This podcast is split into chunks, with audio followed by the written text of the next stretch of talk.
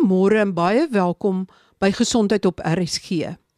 Ek sit vandag die gesprek voort oor lae ystervlakke in die bloed en ons kyk in die tweede deel van vandag se gesprek ook oor hoë ystervlakke in die bloed. My gas is weer eens professor Winnen Lou, hoof van kliniese hematologie by die Universiteit van Kaapstad en die Groote Skuur Hospitaal. En net om vinnig op te vang wat verlede week in die program gesê het, hier is 'n paar enkele kort snitte van verlede week se program sodat net die belangrikste aspekte herhaal word. En daarna sit ons die gesprek voort. So die belangrikste rede vir ystergebrek is basies bloedverlies in vroue, maandelikse bloedverlies met maanstondes en dan natuurlik swangerskappe. Bloedarmoede is 'n laatfase van ystergebrek. Ystergebrek veroorsaak 'n lang lys van simptome, soos byvoorbeeld moegheid, hare wat uitval, naels wat maklik breek, behoefte om snaakse goed te kou of te eet, uh oormatige lus vir ys of grond of stof of soetgoed of irriteerbaarheid of geïrriteerdheid sukkel met geheue. Daar's miskien 'n duisend oorsake vir elkeen van die dinge wat ek nou genoem het, maar ystergebrek is waarskynlik die algemeenste oorsaak vir al daardie dinge. In jou dun darm is daar 'n baie spesifieke pad waardeur die yster in die bloedsirkulasie kom. Daar's 'n letterlik 'n klein deurtjie, 'n molekuule met die naam ferroportin, soos letterlik vertaal ysterdeur en die yster gaan deur daai deur en dan word hy op 'n klein, ek noem dit sommer 'n kanoe gesit, so twee sitplek proteïen waar daar twee ysters op kan ry beenmerg toe na die fabriek toe. Daai deur word dikwels gesluit indien jy onderliggende infeksie of kroniese inflammasie het en dan kan jy ook nie yster opneem nie. So daar's allerlei ander faktore wat 'n rol kan speel. En ek dink ou moet dit in gedagte hou want dit is soms nodig dan om 'n ander vorm van eyster te neem wat 'n ander baan volg. En daar's nou nuwe soorte eysters wat heeltemal alternatiewe paaie volg waar hulle verby die dun darm gaan en ander opnamebane het wat nie beïnvloed word deur jou dieet nie, wat nie beïnvloed word byvoorbeeld deur inflammasie of infeksie nie. Daar's beide mondelingse vorms en ook binneaardse vorms. So ons het byvoorbeeld deesdae binneaardse eisters waarmee jy met 'n enkel dosis al die pasiënt se behoeftes kan aanvul. En dan sal nou 'n nuwe soort eister in Suid-Afrika op die mark wat ons noem sukrosomiale eister en dit wil blyk asof hy ook baie goed verdra word oor die algemeen. Ek glo daar is geen plek vir 'n binnespierse eisterinspuiting in die moderne tyd nie. Ek sit nou die gesprek voort met professor Winnen Lou. Wat is die kans dat as jy eenmal 'n ystertekort ontwikkel het, dat daai al vul jy dit aan, dan moet jy dit gedurig aanvul of herstel die liggaam na 'n jaar of 2 jaar? Dit hang alles af van die onderliggende oorsaak, nê. Nee. As daar 'n kraan is wat lek, moet jy hom toemaak. So as dit bloedverlies is, uh jong meisies wat oormatig menstrueer, hulle moet hulle huisdokter sien om hulle te help om daai bloeding onder beheer te kry en daar's allerlei maniere om dit te doen. Pasiënte wat swanger is, het wat vir 'n perspektief te stel, op 'n daaglikse basis absorbeer ons tussen 1 en 2 mg yster. En ons verloor dieselfde hoeveelheid. In mans is dit 1 mg in en 1 mg uit en vrouens 2 in 2 uit as gevolg van menstruasie. Met een swangerskap het jy ekstra 1000 mg nodig. Nou kan jy dink. Elke keer wat jy swanger is, is dit 1000 mg van ekstra yster wat jy benodig. So vrouens is in so 'n kritieke balans dis regtig regtig belangrik om seker te maak jy weet wat die oorsaak is en jy vervang. As 'n vrou almekaar swanger gaan wees, as die menstruele bloeding nie onder beheer is nie of hulle bly op 'n uh, teensuurmiddel of hulle maag is verwyder met chirurgie of hulle dieet is nie goed nie, dan gaan hulle waarskynlik ysterbly nodig hê. Maar mag ek jou tog gou ietsie terwyl ek die kans het vertel van yster en swangerskap? want dit is so belangrik. Ons weet nou dat die baba se ontwikkeling is krities afhanklik van eister. So 'n ma wat swanger is wat begin met 'n eistergebrek, om dit vir net in perspektief te stel, plus minus 40 tot 50% van swanger vroue is eistergebrekkig. Nou gedurende swangerskap as die ma eistergebrekkig is, is die baba uit die baba 'n verhoogde risiko nie net vir groeivertraging nie, nie net vir premature geboorte nie, maar vir permanente neurokognitiewe skade wat kan lei tot sosiale, emosionele en intelligensieprobleme en ontwikkelingsprobleme wat van die navorsing nou wys tot 25 jaar na geboorte nog steeds tekens van teenwoordig kan wees. So as die moeder eistergebrekkig is, moet die eister vervang word. En 'n gewone klein multivitamiin multimineraal aanvuller in 'n werklik eistergebrekkige pasiënt is gewoonlik nie genoeg nie. En daai boodskap is een van die boodskappe wat ek voel moet uitgesaai word daar buite dat mense daarvan kan weet. Mense moet vra. Ek dink ons as dokters het te gemaklik geraak met eistergebrek. Dit is so algemeen. Maar ons besef nie daar's werklike permanente belangrike gevolge wat omkeerbaar kan wees as jy dit betyds hanteer of voorkom nie. Ek wil sê maar vir vrouens sê as jy wil as jy beplan om 'n baba te hê, gaan toets sommer jou eister. In begin sommer maak seker jy's van die begin af reg. Interessant sê hulle die selfs daai bonding nê nee, tussen ma en baba, wat is 'n goeie Afrikaanse woord daarvoor? Koneksie. Daai wat jy so sien as ma as die baba so in die ma se oë kyk terwyl sy terwyl die baba borsvoed. Daai bonding word geaffekteer deur eistergebrek. Daar's 'n swakker bonding wat plaasvind as die baba eistergebrek of as die ma eistergebrekkig was tydens swangerskap. So ek wil al die ma's moet seker maak hulle dogters wat wil swanger raak moet daarvan weet, jy weet, en hulle moet kyk na hulle hulle hulle adolessente dogters. Dit is 'n derde van adolessente het reeds eistergebrek op daai jong ouderdom. Adolessente meisies. As daar dan 'n adolessente meisie is met 'n eistergebrek, dan sal jy eerder vir hulle van hierdie nuwe generasie mondelingse eistertablette gee of as dit dan na 'n aantal maande nie werk nie, intraveneuse eisteraanvulling. Is dit korrek? Daar's nie net kosse wat hulle meer van kan eet wat voldoende gaan wees nie. Dit hang af. As hulle normale menstruasie het en hulle eet nie op die oomblik sien nou maar rooi vleis nie, en dan sal ek sê probeer, jy kan probeer met dieet.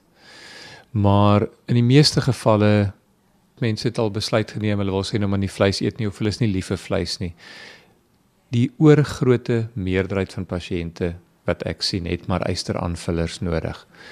Koste is altyd die ding. Uh die goedkoop eisters kos 'n paar rand terwyl die nuwer eisters 2-300 rand per maand kan kos. So dit gaan ook maar af afhang van wat jy kan bekostig. Maar as 'n koste nie 'n probleem is nie, dan gaan ek altyd eers vir die nuwe generasie eisters. En weer eens moet mens kyk, daar's ook 'n hele verandering in hoe ons dit gee. In die ou dae het ons eister gegee 1, 2 of 3 keer 'n dag.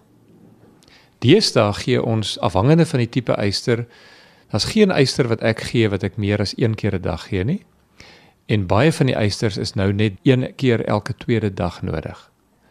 Ons het agtergekom die neeweffekte is minder, maar die opname is net so goed of beter. So die manier hoe die, hoe die eister geneem word word ook bepaal deur presies watter produk jy nou gebruik.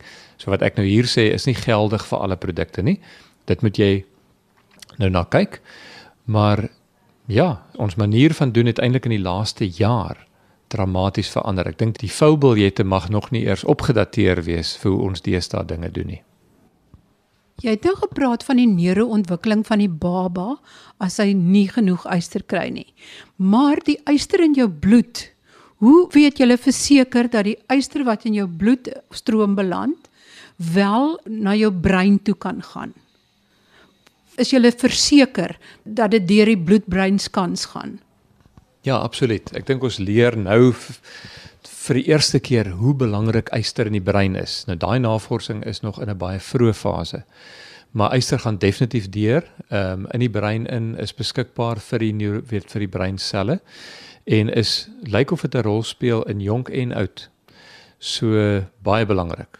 Ek dink ons weet nog baie min van die rol van yster in in Alzheimer's en Parkinson's en hierdie soort van neurodegeneratiewe siekte. Siektes mense is aan die kyk daarna, hulle kyk na beide te veel en te min yster, maar ons weet nog eintlik min daarvan. Ons weet eintlik meer oor in die ontwikkelende baba en in kinders en hoe belangrik yster is in jong kinders uh met ystergebrek in die brein. Let ook op nê dat die liggaam gaan al die yster wat daar is, veral as daar te min is, eerste stuur beenmerg toe. Die beenmerg kry voorkeur. So ons moet eers seker maak daar word suurstof afgelewer.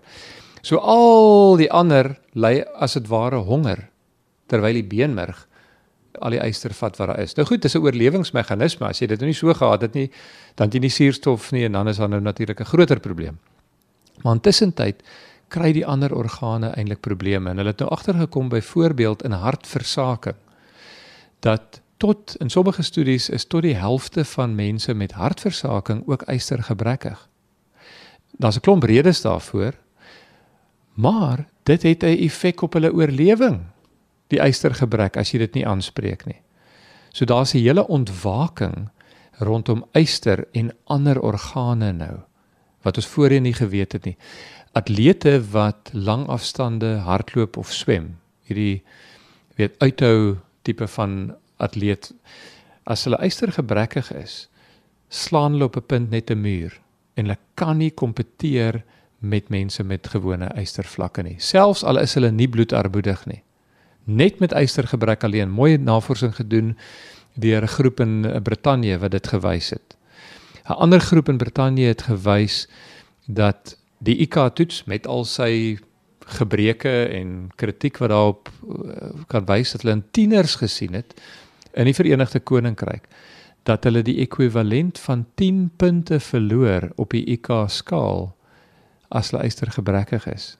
Nou ek dink nie enige van ons kinders wil daai kompeterende voordeel verloor nie. So jy kan hoor hoe ernstig voel ek dat hierdie ek voel so evangelis wat uh, wat hier 'n belangrike boodskap weet wil uitbring van dis die eenvoudigste ding, dis 'n goedkoop ding wat ons kan hanteer, wat ons mense se lewenskwaliteit kan verbeter, wat ons mense amper sê gelukkiger kan maak en gesonder kan maak, is as ons hulle eis reg kry.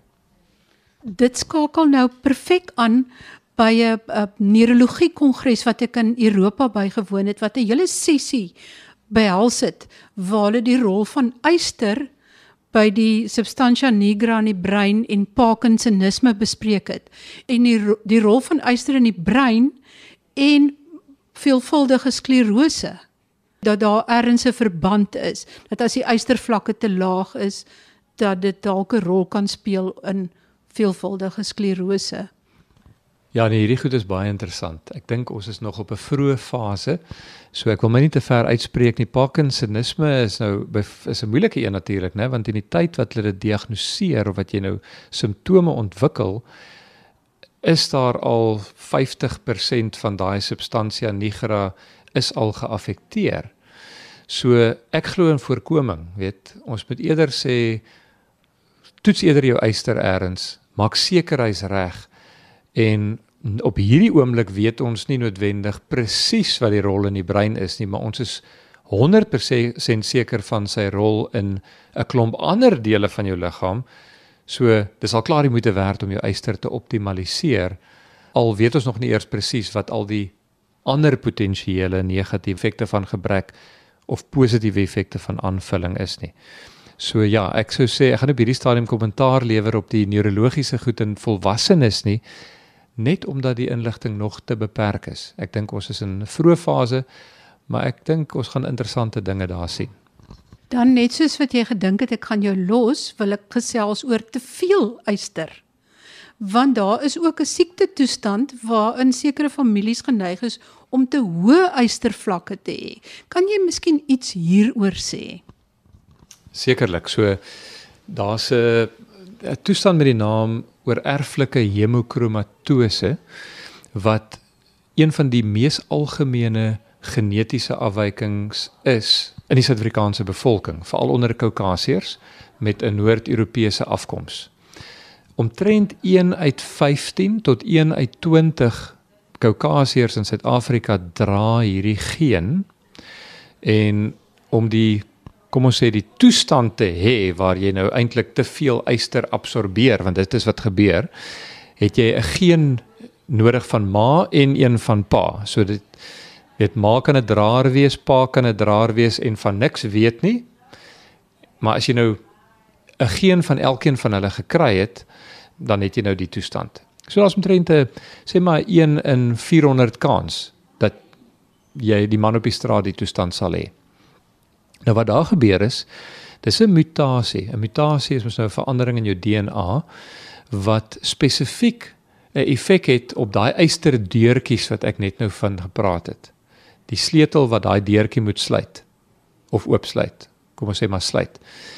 En mense met hemokromatose absorbeer 4-5 keer meer yster as die gewone persoon en daardie yster oor tyd omdat dit nie 'n natuurlike uitgang het in mans veral nie gaan dit ophoop in die organe en dit lei dan op die einde van die dag tot 'n klomp hormonale effekte want al die kliere in die liggaam wat hormone produseer lyk om baie sensitief te wees vir te veel yster. Goed soos die skildklier, die pankreas. Jy kan nou letterlik omtrent enige klier noem wat 'n hormoon maak van die geslagskliere, die klier in die brein wat al die ander kliere beheer, die hipofise. So pasiënte kry onderaktiewe skildkliere of diabetes of hulle sukkel met geslagshormoonfunksie, mans kan impotent raak. Dan laai die eister ook op in die lewer en in die hart. Kan soms na baie lank tyd in die vel ophoop en selfs so amper so grys verkleuring van die van die vel gee in gevorderde gevalle. Maar die wonderlike ding van hierdie toestand is as jy hom betyds diagnoseer, kan jy al sy nagevolge voorkom. Deur 'n eenvoudige ding soos bloed te skenk. So eenvoudige bloedlatings, elke bloedlating raak jy ontslaaf van 'n beduidende hoeveelheid yster en in die begin mag jy dalk redelik gereeld moet gaan, maar met tyd begin dit al minder en minder word tot jy hom onder beheer het. Dis ook waar dat omtrent 1 uit elke 10 mense wat aanvanklik gediagnoseer is as draers neem ook nog steeds te veel yster op. En ons dink dat daar waarskynlik eers 'n tweede onbekende mutasie is wat dalk 'n rol mag speel.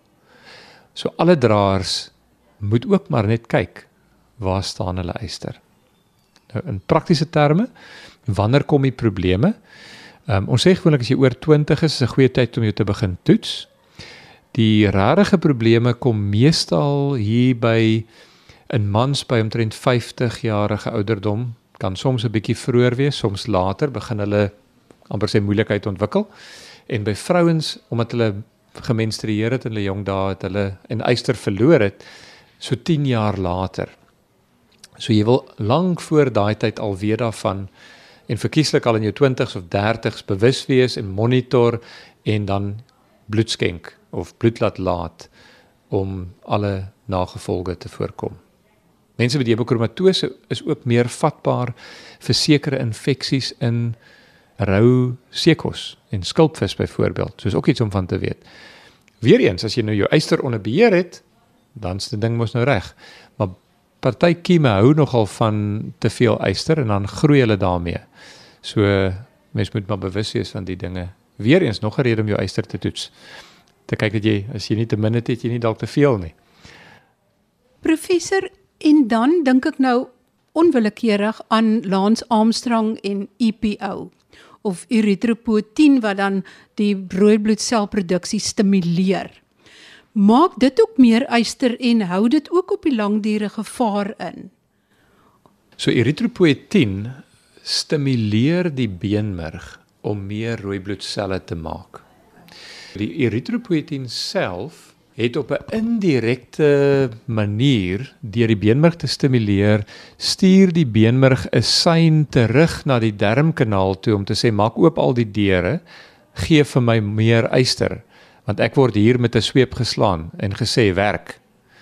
So die erythropoietin stimuleer die beenmerg. Die beenmerg sê gee my meer bestanddele en op daai indirekte pad kry jy dan nou meer absorpsie van yster. Maar dis nie dat die eritropoietin self direk iets aan die eister doen nie, dis maar so 'n indirekte langpad. Eritropoietin gebruik ons in baie spesifieke geselekteerde pasiënte want dit is nie sonder neeweffekte nie. Ons het eintlik nogal ons les geleer in pasiënte met sekere soorte kankers. Daar sekere kankers waar jy eritropoietin kan gebruik om die hemoglobienproduksie te verbeter. Want baie keer met chemoterapie of van die kanker self kan jou hemoglobien daal. Maar ongelukkig wil dit blyk dat eritropoietin in sommige kankers en hoor wat ek sê, nie in alle kankers nie, maar sommige kankers se groei kan stimuleer. Jy moet weet wat jy doen. En die onkoloog en ons hematoloog wat nou ook met sekere kankers werk, sal gewoonlik vir jou kan sê, okay, vir hierdie kanker ja, vir daardie kanker nee. Die ander probleem met eritropoietin is dat hy kan aanleiding gee tot trombose. Dis gelukkig skaars, maar mens moet daarvan bewus wees, dit is 'n risiko en dit kan ook in sommige pasiënte hulle bloeddruk verhoog. So as jy um, op eritropoietin is, dan moet jou bloeddruk gemonitor word. As jy reeds hoë bloeddruk het soos wat baie mense het, moet jy ou ekstra mooi dophou om seker te maak jou bloeddruk gaan nie te hoog op nie. So eritropoietin is baie nuttig in sekere omstandighede en ons gebruik dit ook, maar Deesdae is dit baie minder wat ons dit gebruik en baie meer fyn geselekteerde pasiënte wat dit regtig nodig het. Definitief nie vir fietsryers nie. Dis baie belangrike boodskap daai. Iemand wat nou voor die radio sit en luister en 'n boodskap moet kry oor te lae ystervlakke of te hoë ystervlakke in jou bloed. Wat is daai belangrike boodskap wat jy wil hê die publiek en sommer dokters in die algemeen moet hoor?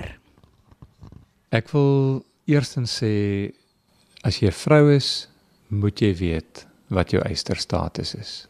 Want die kanse is letterlik 50%. Dit is 50-50 of jy eystergebrekkig is of nie en die probleem is totaal oplosbaar. So ek dink dis boodskap nommer 1. Nommer 2 is wil ek die dokters aanmoedig om te kyk na die nuwe soorte eisters wat beskikbaar is want baie keer raak pasiënte moedeloos oor die neeweffekte. Daar is goeie alternatiewe.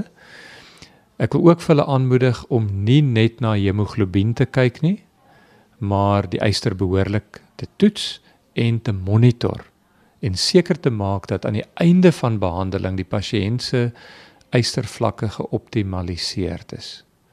So ek dink dis die belangrikste dinge en ek sal maar net weer sê swangerskap so belangrik. Maak seker as jy swanger is, as jy iemand ken wat swanger is om hulle aan te moedig om seker te maak hulle het hulle eysterblad toets.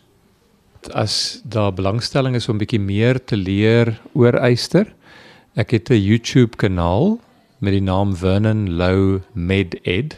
As jy my naam daar insit, daar is 'n As mens onder video's gaan, is daar 'n opsie van playlists en dan's daar 11 video's oor eyster wat ek gemaak het wat bietjie meer besonderhede verduidelik hoe eyster werk, beide die fisiologie, te min eyster, ek sê 'n bietjie oor te veel eyster. Kyk gerus as u meer wil wil leer.